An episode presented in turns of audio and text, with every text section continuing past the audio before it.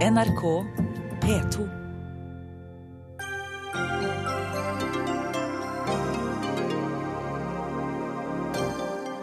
Saringass ble brukt i Syria, slår FNs våpeninspektører fast, og i relativt stort omfang. Hvordan tolkes dette av tidligere norsk våpeninspektør? Fantastisk, sa Skei Grande, og alle var enige om at det hadde vært en riktig fin mandag i Nydalen. Så hva sier kommentariatet? Forfatterne trenger også sitt eget etiske råd à la det pressen har, mener Presseforbundet. Problemet er at vi ikke er dristige nok, svarer biograf. Og bevaringskåte byråkrater fryser Norge fast i fortida, hevder forsker, og møter bevaringskåt byråkrat til debatt.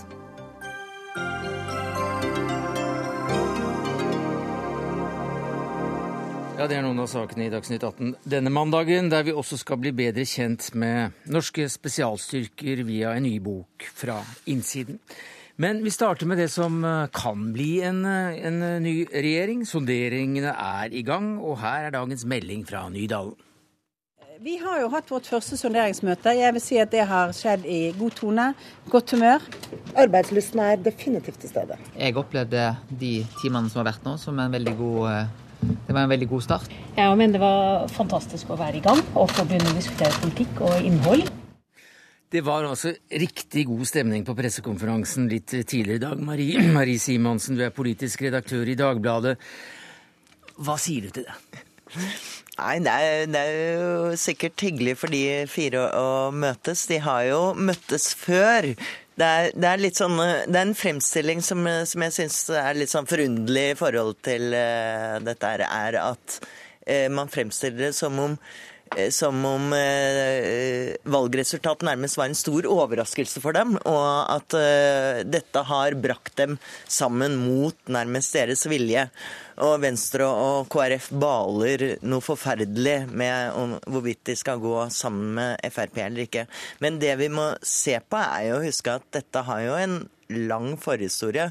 Venstre og KrF har faktisk garantert for et regjeringsskifte, og dermed dette regjeringsprosjektet, med sannsynligheten at Frp skal gå inn. Så dette er fire partier som har snakket sammen lenge, og er fullt klar over hva de går til. Men siden de ikke sier noe særlig nå, da, og siden de bare sier at uh, alt dette er, er, vel og bra, så får uh, vi vel være unnskyldt når vi bedriver en smule kremnologi her. Trine Eilertsen, du er politisk uh, kommentator her i NRK arbeidslyst og optimisme. Leste du noe annet ut av pressekonferansen? Nei, nei, ikke foreløpig. Og det var egentlig litt sånn eksotisk at de har eh, pressekonferanse i dag så tidlig. Og jeg tror det var kun de mest optimistiske som håpet på at kanskje Knut Arild Hareide skulle komme stormende ut av døren eh, dag én, men det var, jo, det var, jo, egentlig ikke mulig at det skulle skje. men Jensen var også da i svart, Solberg i blått. Vi skal kanskje ikke legge altfor mye i Hareides røde slips? Nei, jeg tror vi, tror vi skal ta det helt med ro noen dager til. Vi, Men, kan, vi kan, jo tolke Knut Arild Hareid som hadde en liten slip of the tongue, ja. som sa at dette la et godt grunnlag for arbeidet de neste ukene. Ja. Med andre ord regjeringsforhandlinger. Mens uh, Erna Solberg også snakket om én uke. Ut uka, var det vel. Ja. Åshild Mathisen, du er politisk kommentator i Vårt Land. Og um, apropos da Knut Hareide. Vi hørte ham uh, i Politisk kvarter i P2 uh, si at de gikk til forhandlingsbordet med åpne dører. Mm. Hva nå det enn er. Men også tror du at de faktisk er nå inne i en prosess som styrer dem inn i uh, regjeringslokalet? Jeg tror ikke Knut Arild Hareide er dummere enn at eh, hans slip of the tongue kan være ekstremt strategisk plassert også. Eh, for KrF er det viktig å fremstå som at man virkelig eh, går inn for dette og vil se om man kan finne sammen politisk. Når jeg snakker med KrF-ere nå, så opplever jeg mange motstridende signaler. Den unge generasjonen er lysten på makt. De er lei av åtte år med rød-grønt styre. De som har vært med før, de er ekstremt skeptiske. De er ekstremt eh, Altså, de er, ser sorgtung ut. Og eh, dette er ikke lystbetont for dem. Men eh, dette er pest eller kolera for KrF. Skyggenes dal fortoner seg heller ikke særlig bra for dem. Eh, så når noen sier i KrF at Vi hadde ikke trodd at samtalene skulle bli reelle. Men nå er de det. Da kan man jo se på det som et spill også. Eh, men eh, det er klart at eh, sentrum ble ikke så sterkt som man hadde håpa på. KrF fikk ikke den VIP-posisjonen man hadde håpa på. Da kan det hende at man etter hvert begynner å søke seg inn mot kan vi få til noe her der er det også en dobbelthet for KrF. KrF er et parti som skal fornye seg. Er det da å gå inn i regjering og faktisk begynne å få til noe på sine fanesaker, eller er det å på en måte beskytte sin sosiale profil? For når de sier at ja, OK, det er et hjerte i Høyre, men vi skulle ønske det var bitte litt større. Eh, så, så, det er en ekstrem dobbelthet i eh, KrF om dagen. Slike samtaler har jo en egen dynamikk, og når de først setter seg ned rundt bordet, så blir eh, liksom regjeringskvartalene veldig mye nærmere. Og det er helt riktig som Mathisen her sier, at vi må huske på at dette er partier som har sittet åtte år og kjedet seg på Stortinget. De er ekstremt lystne på å komme tilbake til makten. KrF òg? Eh, ja, det tror jeg absolutt. Det ser man jo. Dette er et parti som i nyere tid har, har dannet to regjeringer. Eh, så, så, de er glade i makt også. Eh, og, og, ser at de kanskje, og vet da også av erfaring, at de kan få mer til inne i regjering enn utenfor, særlig sånn som valgresultatet ble. Og så er det igjen sånn som jeg sier, at de har allerede gitt Frp lillefingeren. De har sagt ja til en regjering som høyst sannsynlig vil bringe Frp inn i regjering. Så, så, de har på en måte gitt en velsignelse mm. til Frp. Ja, En lillefinger, men hvor mye har man gitt når man først går inn i forhandlinger? Når blir det ordentlig alvor her? Det er jo når vi går fra sonderinger til eh, forhandlinger.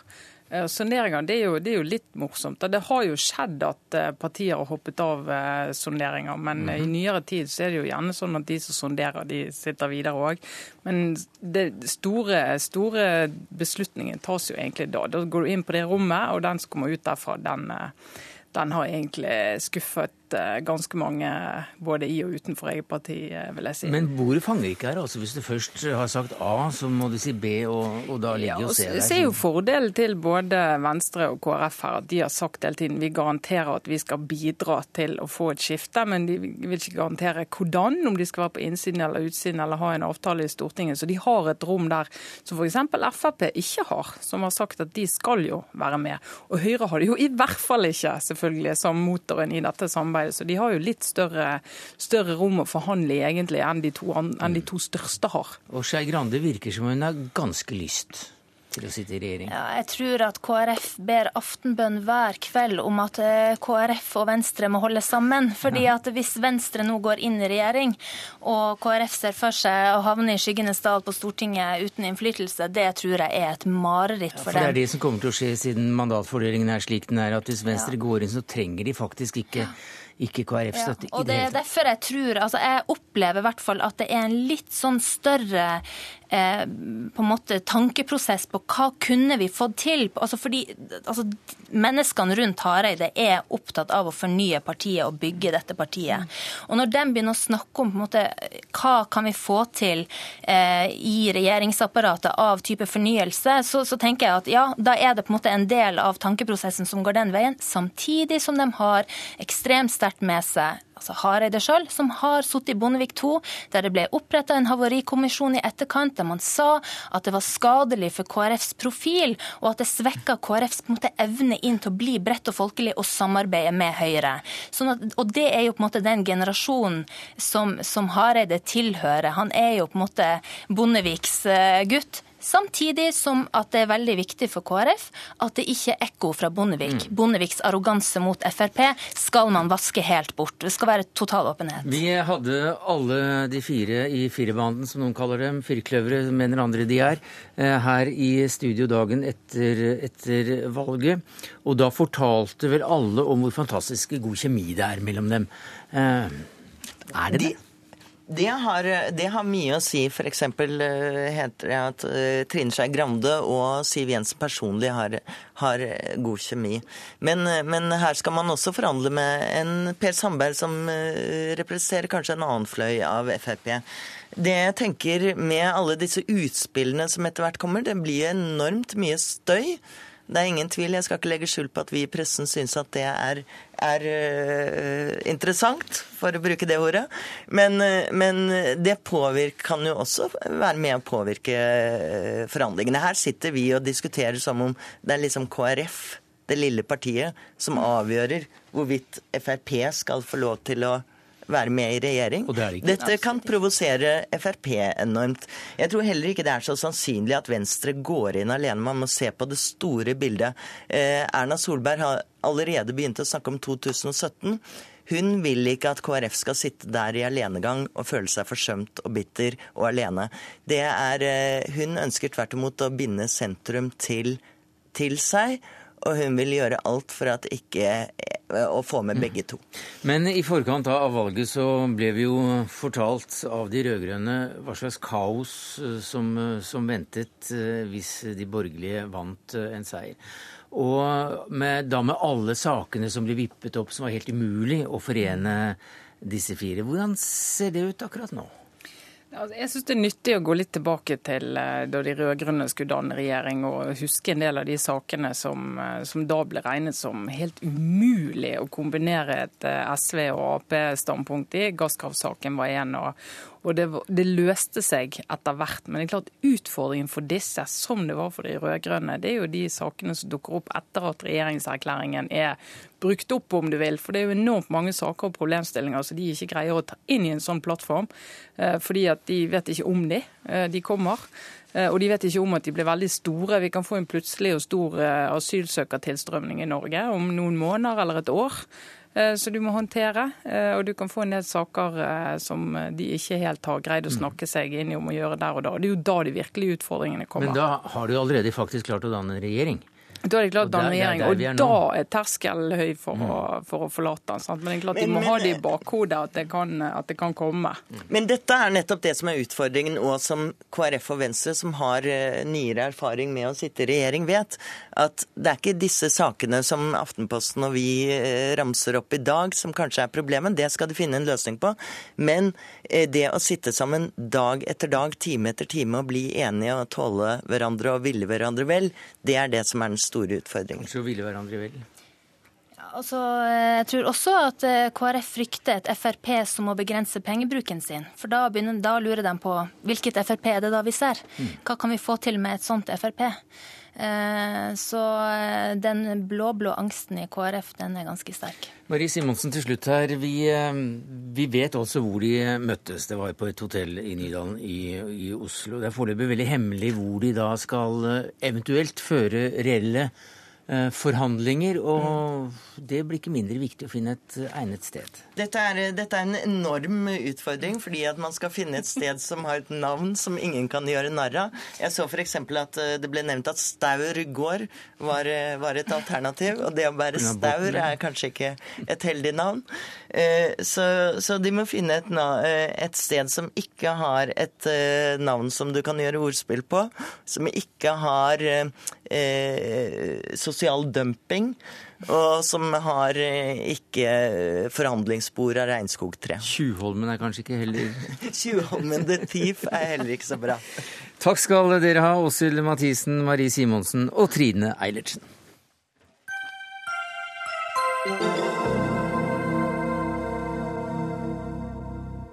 Så skal vi til USA, der store politistyrker nå jakter på én eller flere gjerningsmenn etter at flere er skutt på en stor marinebase i Washington DC. Og der er du, USA-korrespondent Gro Holm. Hva er siste nytt av det som har skjedd på marinebasen? Det pågår akkurat nå en briefing, brifing, en orientering, hvor eh, Washingtons ordfører har snakket. Og nå snakker en talsmann for talskvinne for politiet. Det er uklart hvor mange som er drept, men kilder i marinen sier at det er flere drepte. Fire minst er såret, andre har sagt uh, ti. Man vet ikke hvor mange gjerningsmenn det er. Én skal være drept. Det snakkes om at det kan være en til. Og noen mener at begge to er satt ut av funksjon. Uklart om de er drept eller den ene fortsatt er i live. Så det er veldig mange spørsmål. Det er ingen som så langt har sagt noe som helst om motiv. Det som sies om denne marinebasen som tilhører Sjøforsvaret, er at det er veldig strenge sikkerhetsrutiner både for å komme inn og bevege seg internt i komplekset. Så da reiser jo spørsmålet seg med en gang kan dette være gjort av noen fra innsiden av noen som er ansatt og tilhører altså marinen. Hvordan reagerer myndighetene på slike situasjoner nå? De har jo hatt flere. Ja, Det er sendt et stort team med FBI-etterforskere ned dit. Det er enormt mye politi i området. og Det setter jo tankene litt hen på det som skjedde på Fort Hood, en annen militærbase var det, i 2009. Hvor en psykiater skjøt og drepte 13 mennesker eh, som hevn for USAs krigføring i muslimske land. Eh, det er ikke noe grunnlag for å si at motivet kan være noe av det samme her. Man vet fortsatt ingenting. Hvis du følger litt mer med på den pressekonferansen som er i gang der borte, og bryter inn med en gang det skulle være noen ytterligere opplysninger, Gro Holm, så kan jeg gå videre til deg, Helge Lurås, en, en terrorekspert som vi har fått hit i hurten og styrten. Og du vet vel ikke noe særlig mer kanskje enn det som vi har hørt her med, med disse få opplysningene. Altså de de leter etter, eller de ser på mulighetene faktisk at det kan være flere. Eh, det er et meget strengt bevoktet anlegg. Ut fra disse skarve opplysningene, hva kan du si? Nei, altså det er jo helt klart at det er en mulighet for at, eh, for at dette, dette, er en form for terroraksjon, og at det selvfølgelig da også er flere involvert. og at det er eh, utført av personell som, som, som, har tilgang til amerikanske militærbaser, og som kanskje har eh, legitim rett til å bære våpen inne på disse basene. For det som det blir sagt her også, at eh, bevåkningen er jo relativt god. Og, eh, så det er definitivt muligheter, og det er forståelig også at de holder, hva skal jeg si, de som prøver å rydde opp i denne situasjonen, holder muligheten oppe for at det er flere gjerningsmenn enn da eventuelt den ene eller de to som de har tatt. Men klart, er det flere enn én person, så tyder jo på at det er en mer organisert Eh, planlagt eh, aksjon som da med, med, større sannsynlighet har en eller annen form for ideologisk komponent. Men det trenger jo da ikke være islamsk terror. Det kan være høyreorientert, det kan være generell frustrasjon med amerikansk enten innenriks- eller utenrikspolitikk. Det er veldig mange muligheter, og jeg tror fortsatt det er også åpent her at dette kan være et, et individ som har handla ut fra mentale mm. problemer. Det er eh, altså klart Amerikanske forsvaret har vært utsatt, eller de har utsatt personellet sitt for mye i løpet av de siste årene. og de har høye selvmordsrater. Og, og, så, så mulighetene er fortsatt veldig mange. For vi har jo uh, erfaring med høyreekstremisten, særlig i Oklahoma, uh, som tok livet av 168 personer. Mens da, som vi hørte Gro Holm referere til, Nidal Hassan som skjøt og drepte 13 ved Fort Hood i, i 2009, fikk for øvrig ganske nylig en, en dødsdom. Så det er altså mange grunner de ulike terrorhandlingene uh, har i, som motiver eh, for å drepe folk hjemme. Ja, det, det, altså absolutt. Det er, eh, nå har det jo stort sett da vært enten på, en måte på, på det vi kaller høyreorientert ekstremisme, eller da knytta til, til, til, til, hva skal jeg si, krigen mot terror og Al Qaida-lignende jihadisme osv. Men, eh, men ting har jo også gjerne en, en smitteeffekt. altså Eksempel den bare sånn enkelt som, som nærmest berømmelse mm. kan jo også motivere noen, og, og, og, og simpelthen det at noen har bestemt seg for å ta livet sitt og ønsker å ta noen andre med seg nærmest i fallet. Eh, det er jo, så det er mange muligheter her for hva dette kan være, og, for så vidt på en måte nesten overraskende at det kanskje ikke skjer oftere. Broholm. Jeg har TV-en på i bakgrunnen her, som dere hører. Eh, det, den politibrifingen som nettopp gikk nå, der blir opplyst at de leter etter to andre mulige attentatmenn. Eh, og hvis det er slik at det har vært tre som har samarbeidet, ja da er det jo ikke et enkelt menneske som har, eh, som har gått av skaftet. Da er det jo snakk om at det har vært et samarbeid og en konspirasjon. Så det gjør det hele mye mer alvorlig. Og det betyr jo også, hvis man skal tolke det litt sånn selvstendig, det som ble sagt her, at de har, de har ikke uh, funnet de to ender ennå. Det betyr at det er fortsatt mulig at det kan skje flere drap.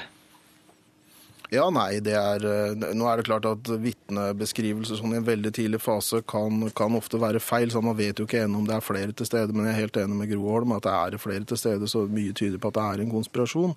Og, og, og da en eller annen form for ideologi som ligger bak, eller da hva skal jeg si, sinne med en eller annen politikk som er ført i USA. og Det mangler jo ikke på opposisjon mm. sånn sett i USA heller, så det er det er mange muligheter. Og det verden er opptatt av når det gjelder USAs utenrikspolitikk i dag, det er jo Syria. Ja, det er jo Syria, selvfølgelig. Men, men, for tre personer å på en måte gå sammen og planlegge noe i løpet av så kort tid, bare kanskje noen dager og uker etter at det eh, Det, det, det kan jo også være spørsmålstegn hvor, hvor sannsynlig det Ofte så vil det jo da kanskje ligge en lengre prosess bak. Hvis dette rent faktisk er en terroraksjon, så tror jeg ikke vi skal umiddelbart i hvert fall se til Syria som en, som en årsak.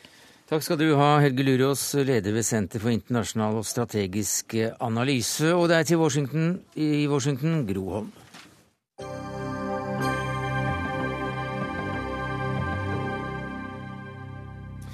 Og vi skal til eh, Syria, eller nesten i alle fall. For eh, her kommer eh, våpeninspektørene inn med sin FN-rapport om noen minutter, ca. ti på sju. 1850 er, er, det meldt.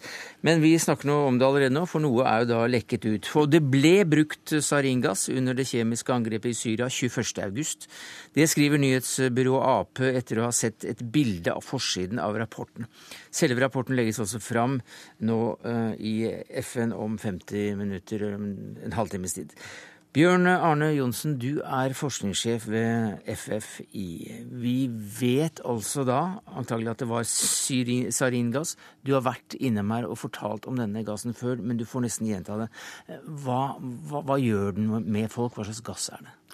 Ja, Den er jo klassifisert som nervegass, og dvs. Si at den angriper sentralnervesystemet og gir symptomer eh, den er jo dødelig, først og fremst. Altså, den første symptomene er at du får eh, uklart syn. Så får du eh, kvalme, trykk for brystet. Og, uh, og den, den påvirker altså signaloverføringene til, til, musklene, slik at etter hvert så får du kramper og problemer med åndedrettet. Sånn at det, det er jo gjerne ånde, kramper og åndedrettsstopp som, som tar livet av deg. En, Etter få eh, minutter. Forferdelig død. En forferdelig død, ja. Eh, du var jo våpeninspektør i Irak mellom de to Irak-krigene. og Når du hører hva slags ord som blir brukt av våpeninspektørene her, slik vi da har fått, eh, fått gjengitt det gjennom nyhetsbyråer Det skal være relativt omfattende bruk. Hva kan ligge i et slikt uttrykk? Nei, Det må jo eh, tilsi at det er brukt en, del, en ganske relativt store mengder, da. For det øh, sånn, eh, for, Og det som antydes at hvis det er over 1000 døde mennesker, så, så er det jo brukt øh, relativt store mengder. Men sarin er jo veldig altså, giftig og dødelig. sånn at eh, da det er i underkant av 10 mg som tar livet av et menneske, så skår det jo ikke så mye til. Men det, det er det at det spres, og at det er folkemengder eh, i, i området da, som, eh, som, som, utsettes for det. Hvordan, hvordan spres det?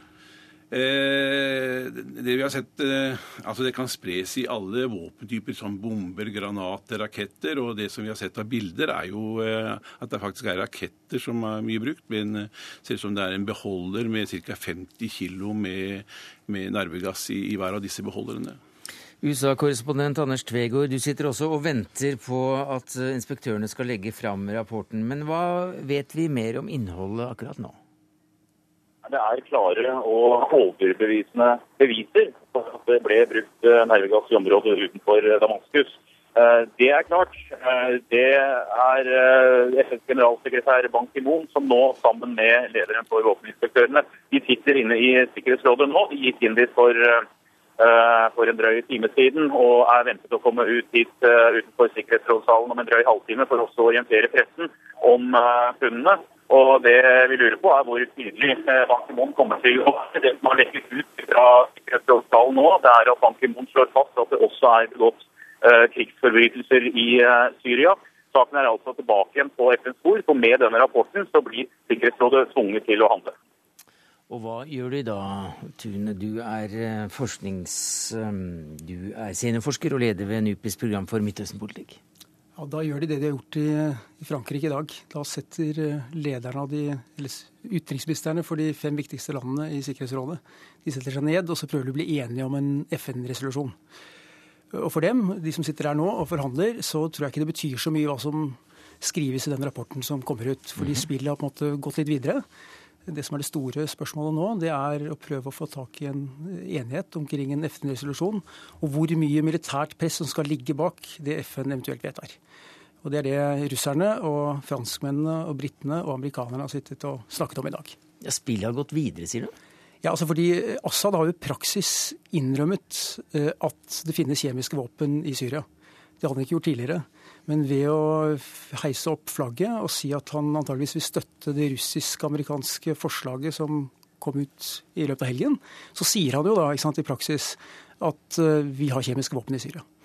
Sånn at Dokumentasjonsspørsmålet det er ikke lenger et politisk viktig spørsmål. Det som er viktig, det er jo spørsmålet om hvem som brukte det. Mm. Men så vidt vi forstår, så er ikke det noe som inspektørene kommer til å være helt soleklare på. Hvilke opplysninger har du om dette, Anders Tvegård? Det er at Rapporten den eh, kommer til å være grundig. og Du kan se på det som et eh, bilde. Der forsvant Anders Tvegård fra, fra, New York. Går ut fra at eh, han er og følger, skal følge pressekonferansen derfra. Bjørn Arne Johnsen, hvordan kan man si at det er den ene eller andre parten som har brukt disse våpnene? Er det noe med selve bruken som gjør at du kan knagge, knagge det på den ene eller andre? Det er veldig vanskelig. Nå, nå, nå, er det veldig spennende å se hva, hva inspektørene som har inne, hva de har sett for noe. Men det man eventuelt kan se det på, det er jo eh, eh, våpnene. Om de er primitive, om det er ting som man vet syrerne har. Eh, Eh, kanskje kvaliteten også på, eh, på, eh, på stridsmidlene. Men, men, det er fremdeles veldig vanskelig at man legger det på den ene eller andre part. Altså. Men vi, vi skulle jo iallfall forvente at hvis det var syrerne regjeringsstyrken som har brukt det, så at det var ganske god kvalitet over det. Men det kan jo også være da at opprørerne selvfølgelig har overtatt og og tilegne seg eh, de syriske mm. regjeringsstyrkenes våpen. Nei, for eh, Henrik Tune, du sier jo da at uh, spillet er gått videre nå. Men hva hvis de faktisk kan peke på hvem som har sluppet ut denne giften? Ja, altså Hvis de gjør det, så vil det være en forandring. Fordi, fordi Lavrov, russiske utenriksministeren, han har sagt at dersom det finnes absolutte bevis, og det har også Putin sagt, absolutte bevis for at det er Assad som har brukt dette, så vil dette endre ting. Men når han har sagt det, så tyder alt på at han vet ganske godt at de bevisene ikke kommer til å bli lagt fram i FNs sikkerhetsråd. Så det jeg sier er bare at dokumentasjonen dokumentasjon har på en måte vært der hele tiden. For Obama hjemme i Washington så har det aldri vært et spørsmål om dokumentasjon, snarere om flertall i, i Kongressen. Og nå så er spørsmålet om hvor mye makt skal man legge bak de kravene som man nå kommer til å stille til Assad. Og russerne de sier at uh, det dette spørsmålet kom tilbake til FNs sikkerhetsråd hvis Assad ikke samarbeider. Mens franskmennene, britene og særlig Obama han sier at vi ønsker en umiddelbart mandat for å kunne bruke militærmakt eller annet press dersom Assad ikke samarbeider. Men det var vel ikke, det lå vel ikke i korta i den avtalen som eh, den amerikanske og den russiske utenriksministeren eh, gjorde i Genéve? Nei, det, det, var en litt snillere avtale. Ja. Eh, sånn at, Så hva sier russerne til denne nye nei, Da sier russerne at det kommer de ikke å gå med på. Og jeg tror på en eller annen måte at, at også dette spillet her er, er utfallet. Det er ganske klart. Det, det, er at man kommer til å få en resolusjon, men den kommer til å være litt vagere enn det Obama ønsker seg. Og det er fordi Obama ikke har så mye å gå på selv. Så han uh, er kjørt litt opp mot veggen i Washington. Han får ikke et mandat hjemme. Og han er dypt avhengig av Russland for å få denne prosessen til å fungere. Og jeg tror det er så å si 100% absolutt at Lavrov og Putin de vil ikke gå med på å gi et stående mandat for militæraksjoner mot Assad. Nei, I dag så er det jo de som spiller en slags lederrolle akkurat i, i, det diplomatiske spillet også. Og det er da noen som sier at, eh, at Obamas situasjon er ganske begredelig, for han har en fiendtlig innstilt kongress hjemme. Han har en eh, ikke helt vennligsinnet stormakt i Russland som en partner, ja. og mot en, da, en, en opplagt, et opplagt fiendebilde som, som, det han har i, i Syria. Ja, det, det, er, liksom, det er da djevelens advokater som sier det. Så selv vil han antagelig si at de har fått en løsning som er bedre enn å bombe, nemlig en slags diplomatisk løsning. Eh, men, men det er akkurat det som er paradokset. Han begynner å kanskje få til en løsning, men den politiske kostnaden for Obama i forhold til dette her, eh, innenrikspolitisk hjemme i USA og i Midtøsten, den er ganske høy. Eh, og de som framstår som de åpenbare vinnerne, både sånn mediemessig, ikke sant, men også strategisk, det er russerne. Men dette i det hele tatt, med, med gassen, og, og jakte på, på syndere og, og, på om det er brukt gass, hva slags spor er det hvis du ser Syria-konflikten i det hele? Ja, Så er det jo et viktig spor. ikke sant? Altså det er, hvis, det er, hvis, det er, dokumentert, som det virker som det er gjort, at det er brukt saringass i store mengder, eh, så er det kanskje også sannsynlig at 1000 mennesker ble drept i det siste angrepet. Det er det amerikanerne har sagt. Men, men, hvis man ser på det store spørsmålet, så er det allikevel bare omtrent 1% av det som er den humanitære lidelsen i Syria. Mm. Og det som er noe av risikoen i det spillet som man nå har fått, er jo at spørsmålet om Syria nå og i månedsvis framover kommer utelukkende til å dreie seg om én ting, nemlig kjemiske våpen.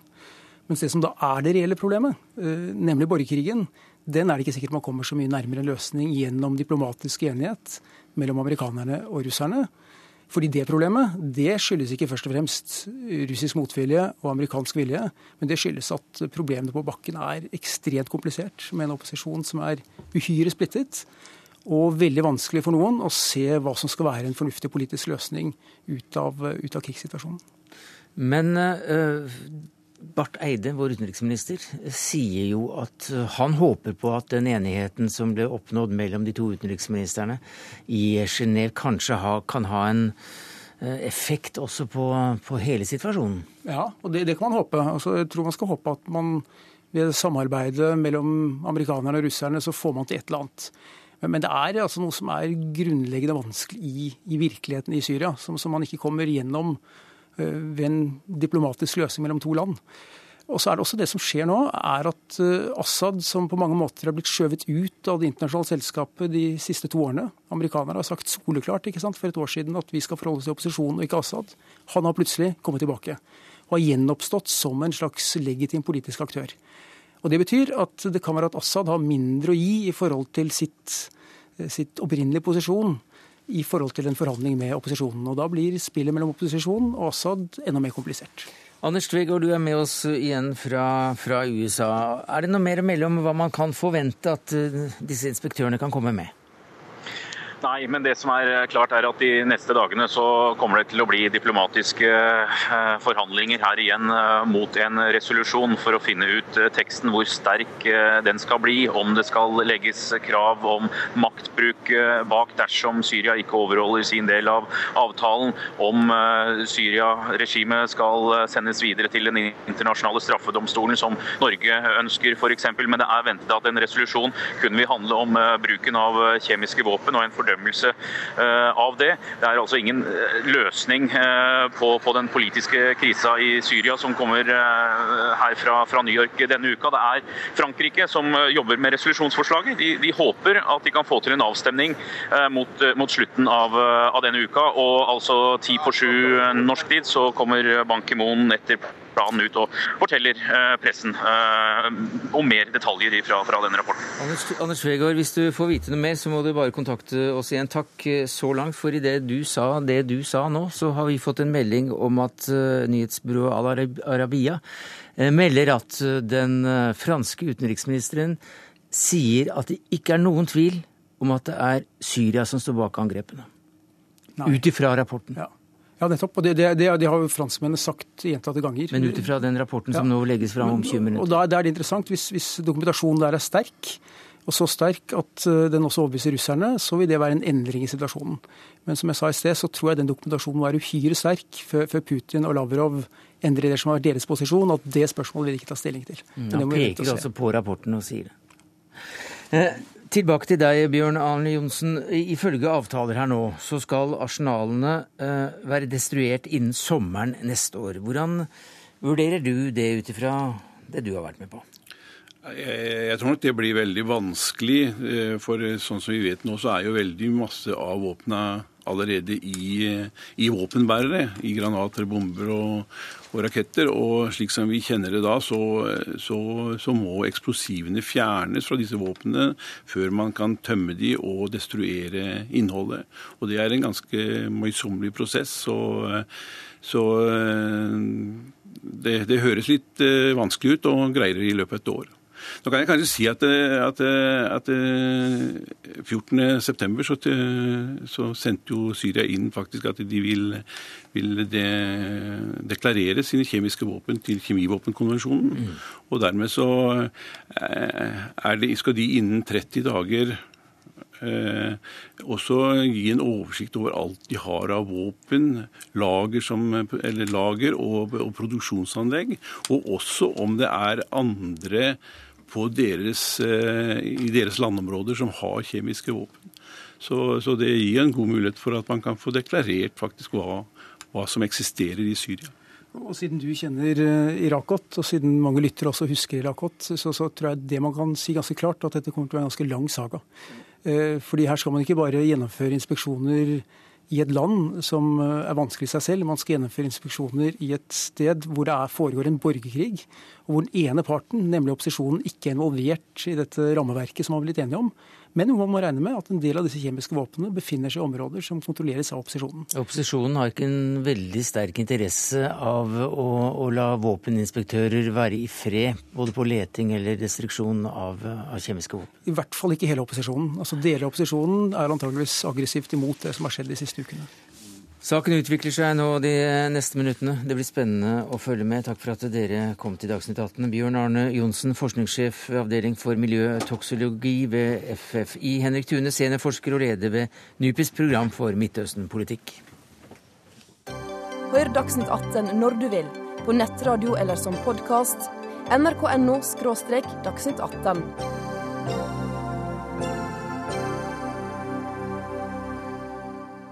Marit Christensens eh, biografi om massemorderens mor skaper debatt før den er kommet ut. Blant annet fordi eh, Marit Christensen skal eh, Eller unnskyld, at massemorderens mor skal ha ønsket å trekke tilbake intervjuene hun ga til Christensen før hun døde. Det snakkes om rolleblanding, det snakkes om andre forhold som ifølge pressens tommelfingerregler ikke er så bra. Og generalsekretær i Norsk Presseforbund, Kjersti Løken Stavrum, du tar til orde for et etisk utvalg for forlagsbransjen Og Hvorfor gjør du det? Det jeg egentlig gjør, er vel at eh, denne, denne boken aktualiserer igjen det at det er veldig forskjellige regler for hva en journalist kan publisere innenfor eh, et redaktørinstitutt, og eh, hva en forfatter kan skrive og trykke i en bok. Eh, og sånn som det er nå, så er det mye større fare forbundet med å treffe på en forfatter enn å bli utsatt for en journalist. Ja, Så i valget av en journalist eller forfatter, og du var i en kinkig situasjon, så ville du ha valgt Da ville jeg valgt journalisten, fordi journalisten jobber innenfor eh, Vær varsom-plakaten og Pressens faglige utvalg, og det eh, er mener jeg, gode kjøreregler. Og, det, eh, og jeg syns det er rart at eh, forlagsbransjen ikke på noen måte virker å være interessert i engang å diskutere seriøst behovet for noen kjøreregler. Men du er interessert i å være med og diskutere det seriøst, eh, Aivo Di Figureido. For du er historiker, og du er biograf og kritiker. Hva syns du om dette forslaget? Ja, jeg er jo en av disse farlige forfatterne som man kan risikere å støte på. Da. Ja. Eh, og det er jo ikke, nei, etikk er jo viktig, og denne saken her er jo åpenbart eh, komplisert. Men for meg er det viktig å stille spørsmålet trenger vi det? Eh, hvor mange eksempler har vi på bøker som har skapt den type problemer? Og jeg tror Hvis vi ser bakover, så er det veldig få. Og man skal ikke opprette utvalg og råd i, eh, i hytt og pine eh, før man har, et, eh, har, en god grunn til det. Det var bokhandleren i Kabul som var en stor debatt rundt, og så er det et par til. Men det er virkelig ikke så mange. Så man kan heller stru på det og si at norske forfattere, sakprosforfattere er for lite dristige. At vi har for, for få fornærma mennesker eh, i Norge i dag. Ja, da, jeg tenker Det er ganske viktig å ha en sånn presis diskusjon på det. For jeg mener jo også at mennesker som har makt, eller som har søkt makt, eller på en eller annen måte har vært viktig for samfunnet vi lever i, de må finne seg i at man, eh, at man skriver bøker og er tøffere, eller blir kanskje fornærma, da. Men det jeg er opptatt av, er mennesker som faktisk ikke har bedt om offentlighet, som ikke har makt, og som eh, på ingen annen måte enn bare rein uflaks treffer borti en som har lyst til å ta elementer eller hele livet deres og trykke det i en bok uten at noen reagerer, og som til og med mener at det er høyverdig fordi det trykkes i en bok. Ja, eh, det er klart. Eh, og det er veldig forståelig at det å bli, føle seg uttenkt i en bok kan være veldig belastende. Men for meg er det veldig viktig å skille mellom journalistikken på den ene sida og litteraturen på den andre sida. Journalistikk er en profesjon, folk har en viss utdannelse, det er et kollegium, det er fagforeninger, og det er en yrkestikk, og det er mulighet for å lage et sånt etisk eh, regelverk. Litteraturen er mye friere, mye større, mye mer uensarta. Jeg vet sannelig hvem som- skal være min like i et eh, råd tilsvarende PFU. eh, skal, hvis en professor i etikk skal eh, vurdere mine bøker, så ville jeg blitt bekymra. Jeg mener at litteraturen har altså Der eh, har man et annet samfunnsoppdrag. Og hvis jeg får lov til å ta det eksempelet med nettopp Wenche eh, Behring Breivik, eh, så syns jeg det viser hvor godt det har fungert eh, forholdet mellom presse og bok. Fordi Norsk presse unnlot jo å ta i henne og vise navn og bilde av henne etter 22.07. Klokelig nok. Det ville vært rått, ville mange synes. Men så kommer i fjor boka til Åge Borchgrevink, 'En norsk tragedie', hvor han da går løs på det emnet og skriver om henne på en nærgående og sikkert måte som er belastende. Men han oppfyller sitt samfunnsoppdrag som han bare kunne gjøre i en bok. Og da å sammenligne, og det, altså det ville også kritikerne ha gitt han rett i, stort sett. Og da å sammenligne Borchgrevinks grundige og seriøse bok eh, med en forside i VG, blir veldig urimelig. Jeg klarer ikke helt å se den store forskjellen, og det er jo derfor uh, Figureide og jeg er uenige. For det, eh, jeg har f.eks. jobbet mange år med magasinjournalistikk. Jeg klarer ikke å se den store forskjellen på en god og lang magasinartikkel og en bok, egentlig. Det er velformulert, eh, faktabasert innhold, begge deler. Eh, og, og, men det jeg, er, det jeg er mest opptatt av, er at det, det eksisterer åpenbart en slags villfarelse i forlagsbransjen om at bare man er forfatter, så kan man på en måte så har man en eller annen rett til å ta seg til rette i et annet menneskes liv. Og det mener jeg etisk sett at man ikke har. Ja, ta seg til rette. Altså, hvis man ser på bi- biografer utelukkende som eh, gravrøvere, så, så er jo det klart at man må beskyttes. Jo, men det, er- jeg- det er jo et rettsvern her. Det er jo regler og lover og slikt hvis man trår over grenser. Ja, eh, og, og da vil jeg gjerne ile til å si at jeg syns det er rått at det skal være straffbart å, å skrive ting om andre menneskers eh, privatliv. Det mener ikke jeg. Jeg mener at det skal være eh, høy grad av ytringsfrihet i Norge, og jeg mener at det er bra med ytringsfrihet. Men det er en annen debatt. Men det er en annen diskusjon. Jeg mener at eh, det å ha etiske regler er på en måte noe som skal slå inn og gjøre deg litt roligere i vurderingen og finne ut om har jeg faktisk rett til å publisere disse tingene. Men forleggere, altså, Man snakker om forlag, det er ikke forleggere som skriver bøker, det er forfattere. Og for, forholdet mellom forfatter og forlag er ikke det samme som uh, det å være journalist i en avis. Eh, Forfatteren bærer ansvaret. Nei, det, kan, det bør være mindre tett. En forfatter bør være friere. Men jeg syns altså det er eh, bemerket Tenk på utgangspunktet her. Vi snakker om et u, en uutgitt bok, et manus som ligger, eh, altså som er på manusstadiet. Skal det da gå gjennom en slags sensurorgan og stemples og vurderes før den kommer ut? Det er det vi snakker om. En uutgitt bok. Rent praksis kan det være vanskelig. Nei, nei, nei. Og det er en haug av grunner til at ikke pressens system kan kopieres. Eh, Og jeg, sensur er liksom det er, på en måte, det, er jo ikke, det er jo ikke der jeg er i det hele tatt. Men jeg tenker at det å gjøre seg noen etiske refleksjoner Vær varsom-plakaten. Vær varsom. og Særlig den varsomheten er, tenker jeg er en bra ting. Eh, Marit Christensen var selvsagt invitert til Dagsnytt 18, takket nei til oss. Så får vi se hva hun sier til Dagsrevyen om noen minutter. Forlaget Aschhaug var heller ikke så interessert i å snakke med oss om dette i dag. Så da er vi ekstra glad for at eh, dere var det. Kjersti Løken Stavrum, generalsekretær i Norsk Presseforbund, og Aivo Di Figureido, historiker, biograf og kritiker.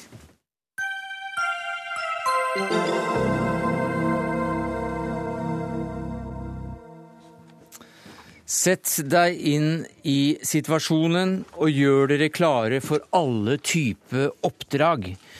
Under hvilke omstendigheter falt disse ordene, Tom Bakkeli? Det var da gassanlegget i In Amenas i Algerie var blitt angrepet av eh, terrorister i januar. Hvem sa det? Det sa sjefen for eh, spesialoperasjonsavdelingen i Forsvarsstaben, så vidt jeg husker fra min egen bok. Sett dere inn i situasjonen og gjør dere klare for alle typer oppdrag. Hva sier det om denne spesialstyrken som du nå har skrevet eh, boka eh, 'Krigere og diplomater'? Ja, Det forteller jo at eh, for det første at det har skjedd noe med Norge etter 22.07. til anleggene i Oslo og Utøya. Det forteller noe om eh, kapasitetene vi har i Forsvaret. Vi har jo spesialstyrker som er eksperter på kontraterror og gisselredning og den slags. Og um, FSK, som jeg skriver om Forsvarets spesialkommando, de er um, De trener veldig mye på den, sånne situasjoner. Kan ta alle mulige oppdrag. Nei, det kan de ikke. Og de skal de heller ikke gjøre det. Men Til sjøs, under vann. det er riktig. Og klart, de, de, de trener jo mye og, og skal kunne gjøre kontraterrorhandlinger på f.eks. norsk sokkel. Eh, olje- og gassindustrien. Derfor FSK ble oppretta i 1982. Mm. Og nettopp med tanke på mulig anslag mot norske olje- og gassinstallasjoner. Da. Og, og det er noe de trener mye på. Det, det var jo akkurat den situasjonen vi hadde i Algerie. Men hva slags eh, ekspertise er det de da sitter på? De sitter på ekspertise innen eh, spesialoperasjoner som går ut på å kunne ta seg usett og uhindret inn på et uh, fiendtlig territorium, f.eks. Og, og skyte eller eh, eliminere på alle måter f.eks. gisseltagere eller terrorister. Og det er noe de har gjort nå i, i flere år i Kabul, f.eks., hvor de er nå. Mm. Og hvor de da lærer opp en eh, afghansk eh, spesialpolitistyrke. Ja. Ja, og jeg, jeg hørte deg, jeg så deg på, på, øh, på NRK Nyhetsmorgen. Og da sa du at akkurat når det gjaldt, gjaldt det oppdraget der, så har faktisk Norge også gitt et slags stempel på den, den styrken i Afghanistan. Den afghanske styrken ved å kalle den 24.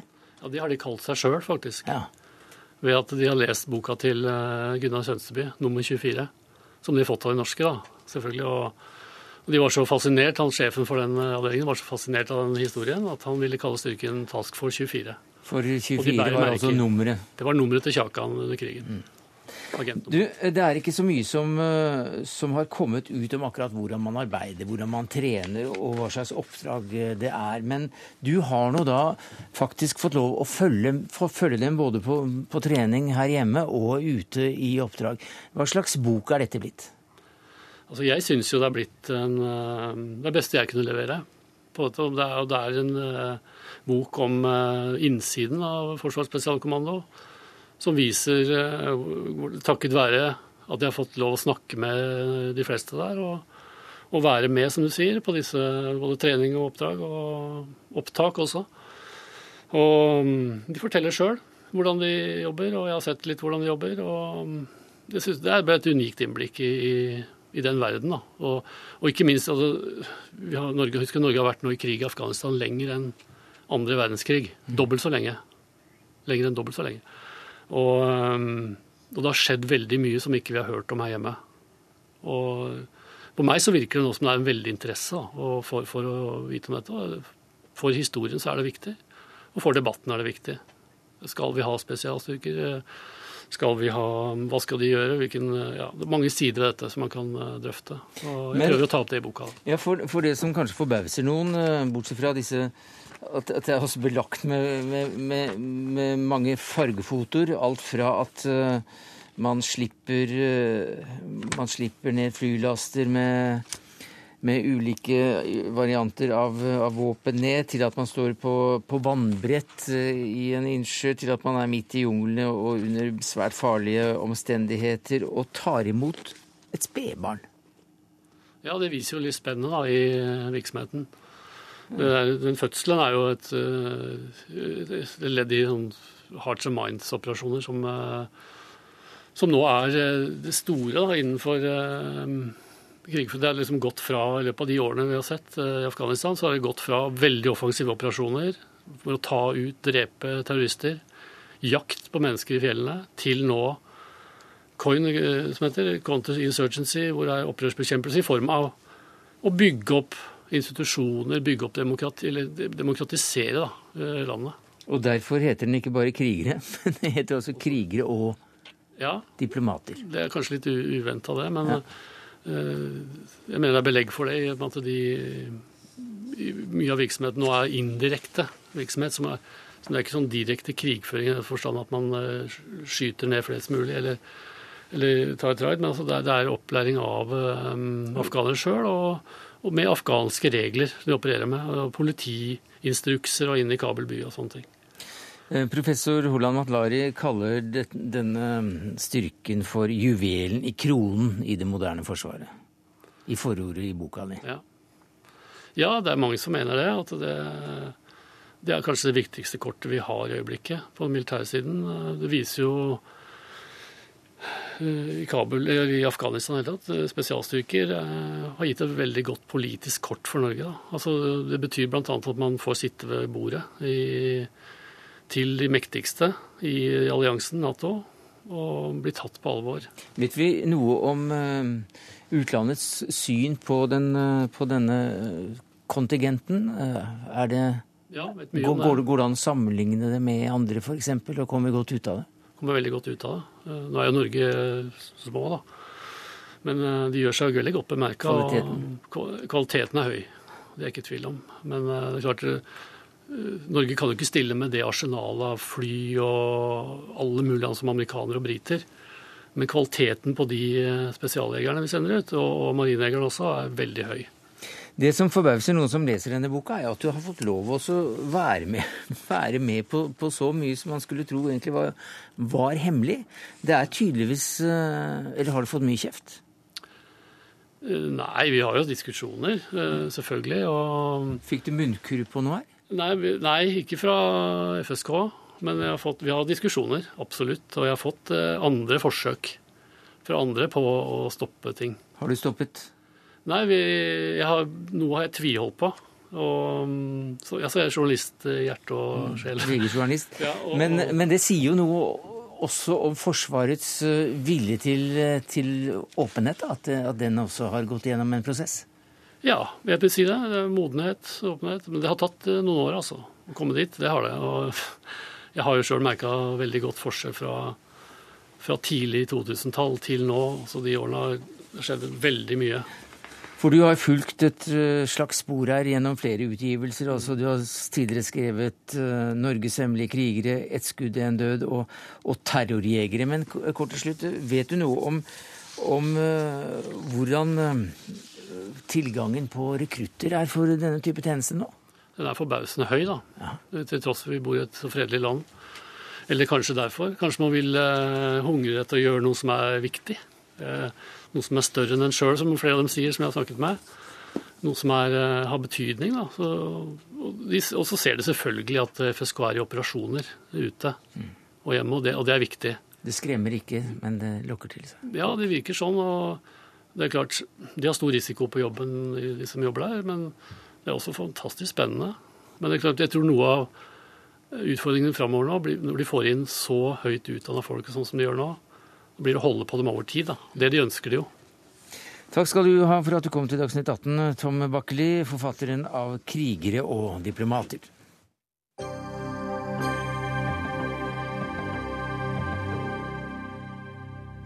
Så til en debatt om vi bør bygge nytt fremfor å bevare gamle bygg. For ifølge forsker og sosialantropolog ved Telemarkforskning Christian Sørhaug, så driver sitat bevaringskåte politikere, kommentatorer, teknobyråkrater og intellektuelle og fryser oss fast i fortiden. Ja, det skriver altså du i Aftenposten søndag, og dette må du forklare mer, Christian Sørhaug. Ja, nei det jeg prøver, er å åpne opp et slags refleksjonsrom da, rundt kulturminnevern-diskursen som preger vår tid. Eh, og, og, jeg tenker at vi har, vi, Det er mye snakk om hvor positivt og flott det er å drive på med kulturminnevern, men kanskje litt lite diskusjon av, omkring konsekvensene av dette her, eh, hva skal vi kalle det, bevaringsregimene, som, som, som eh, Ja, jeg, jeg, blir slått av. Du syns det er for mye av det? Ja, ja jeg, jeg, jeg, når, når, når operaen eh, og sant, Gardermoen, eh, regjeringsbygget regjeringskvartalet eller, på en måte eh, skal, skal bevares da, for, for, eh, for, eh, all evig tid, så, så tenker jeg da, da, går vi litt for langt. Jeg, jeg vil gjerne, ikke sant, hva, hva, om noen om 50 år har lyst til å bygge et nytt operabygg? ikke sant, Eller en ny flyplass? ikke sant? Men dette er vel for evig og alltid, så vidt jeg skjønner. Da, så, så, så da tenker jeg det, det, det, Da syns jeg det går for langt og blir kanskje litt for mye av det. Ole Fjellheim, du er generalsekretær i Fortidsminneforeningen og således en av disse bevaringskåte byråkratene. Hva sier du til dette? Jeg vet ikke om jeg kan være byråkrat lenger, men eh, jeg eh, jobber jo med det. Og leder en organisasjon som har holdt på med det her siden 1844. Og Jeg reagerer litt når jeg leser i avisen at han presenterer seg som forsker, og så starter han opp med to tredjedeler myter. Altså det at det er veldig mye bevaring, det at det er eh, en, et eh, massivt trykk på at ting skal bevares, det er ikke en virkelighet som vi opplever. I går så var jeg på eiendom som Geir her i Oslo. Vi hadde det vi kaller bygningsverndagen. 20 frivillige som har holdt på i eh, flere uker for å lage til en dag hvor man presenterer Eh, bevaring, håndverkere, huseiere, folk som treffer hverandre. Og alle rista på hodet og sa dette er ikke en virkelighet vi kjenner oss igjen i. Vi kjemper for hver millimeter, og eh, vi taper nesten alltid. Det er for lite bevaring? Ja, eh, der er vi uenige. Noen mener at det er for, for, lite, og noen mener det er for mye. Altså jeg lurer da på om, Jeg er i så fall interessert i å åpne opp et refleksjonsrom og spørre oss selv hva er det dette innebærer, og hva innebærer det for framtida? For vi binder opp mye tid og ressurser, ikke sant. Eh, og dette har konsekvenser. Jeg tenker det har litt sånn konsekvenser i forhold til kreativitet. ikke sant? Altså det å, eh, å, å binde opp f.eks. regjeringskvartalet tenker jeg vil eh, Jeg er interessert i å se på hvordan er det fremtiden fremtidens regjeringskvartal kommer til å se ut. da. Hvilket uttrykk uh, uh, kommer, kommer, der, liksom? Altså. Det regjeringskvartalet er bare da et slags symbol på på det, men vi tar ikke hele regjeringskvartaldebatten her. Men det er altså da eh, snakk om å, å binde oss fast i fortida i for stor grad, og det hindrer oss i å kreativt leve videre. Altså, denne Kronikken er jo som jeg sier, full av myter, og en av mytene er at det handler om å fryse fast. Og, og det er ikke det vi holder på med i det hele tatt. Kulturminnevern og bevaring handler om administrasjon av endring. Og det handler om å, å gjøre en sortering som alle mennesker gjør i sitt liv. De tar vare på det gode og så legger de bort det som ikke er så bra. Og eh, For ja, f.eks. regjeringskvartalet så handler det om å ta vare på noe av det og ta det med seg videre. Ha med seg historien. Men det er få som er så fremtidsretta som oss som driver med kulturminnevern. Fordi vi ser hva det er mennesker kanskje har behov for også i framtida, og det ønsker vi å bevare. Og så kan vi kvitte oss med resten. Det er men, ikke noe problem. Men bør enhver konge f.eks. få bygge sitt eget slott, da? Eh, jeg vet ikke. Det, hva, hva, tenker du på? Jeg tenker på at uh, Hver regjering skal få lov til å bygge sitt eget regjeringsbygg, eller? Ja, eller at uh, hver generasjon bør få sin egen opera. Ja, du sa at om 50 år kanskje dette er en klamp om foten? Ja, kanskje det. Ja. Jeg syns i så fall det, det, bør åpnes for det. da. Jeg, er bare litt sånn uh, undrer meg om Binder vi ikke opp veldig mye tid og ressurser, ikke sant? Når vi innenfor disse her bevarings... Uh, regimene. Da. Det, det, det, er vel noe så, ja. Bindes opp eh, mye ressurser? Ja, så det er snakk om, eh, Hvis vi snakker om freda byggverk i Norge, så er det jo eh, snakk om promille av den totale bygningsmassen. Så det er ikke snakk om det. Og så er det jo sånn OK, kanskje skal hver generasjon bygge sin nye opera, men behøver den da stå nøyaktig på samme sted som den gamle gjør? Kanskje vi kan ta med oss den gamle også, og bruke den til noe. Og, og vi har holdt på med denne tenkningen siden vi berga stavkirkene fra å bli revet på 1800-tallet, og det er noe som ingen er lei seg for i dag. Nei, vi er glad i stavkirkene. Ja, nei, Det kan bli vanskelig å argumentere for at vi skal på en måte rive stavkirker og Nidarosdomen. Det, det greier ikke jeg i så fall. Nei, Men du sier allikevel at kulturminnevern er blitt gjort om til en nesten ubestridt gode i norsk ja. offentlighet? Ja, ja, men det er i så fall ikke sånn inntrykk at det er så veldig mange som snakker kritisk om, om kulturminnevern. Jeg har inntrykk av at dette er en sånn det, det, dette er en sånn enhetlig uh, gode, liksom. Altså, dette er noe veldig viktig for framtida. At, at de vet hvordan vi hadde det i gamle dager. Og det, og det, er det jo i og for seg. Altså det, er, det, er, viktig. Jeg, jeg, er ikke noe sånn mot kulturminnevern. Det er, det er litt mye? Jeg, for meg så gikk, går det litt over spor når, når, du, når du, verner eh, opera og, og eh, Gardermoen og, og, og, regjeringskvartalet. Det er første gang noen taler direkte imot uh, mot bevaringsideen. Ja, jeg vet ikke. Det er vel ikke det. Det, det, det, det har nok vært sagt. Som idé? altså dette er jo, Vi hadde en diskusjon om dette tidligere også. Andre land har jo hatt disse diskusjonene. Det har kanskje ikke vært så diskutert i Norge. Vi, vi, jeg har lyst til å komme an i møte på en ting. Altså, vi, vi, møter motstand mot bevaring hver eneste dag, men det er jo veldig ofte begrunna i økonomi eller andre ting. Men det er helt klart at kulturminnevern i Norge trenger en verdidebatt og en grunnleggende diskusjon om hva vi holder på med. og den tar vi veldig gjerne. Og hvis det er det han bygger opp til, så er det bra. Men eh, da kan vi skrape av mytene, og så tar vi diskusjonen etterpå. Men den debatten har vi begynt, eh, også da takket være dere to. Takk skal du ha, Ola Fjellheim, generalsekretær i Fortidsminneforeningen, og til Christian Sørheim, forsker og sosialantropolog ved Telemarksforskning. Det var det vi rakk i Dagsnytt 18 denne mandagen. Ansvarlig for det hele var Dag Dørum. Det tekniske ansvaret hadde Lisbeth Sellreite. Jeg heter Sverre Tom Radøy.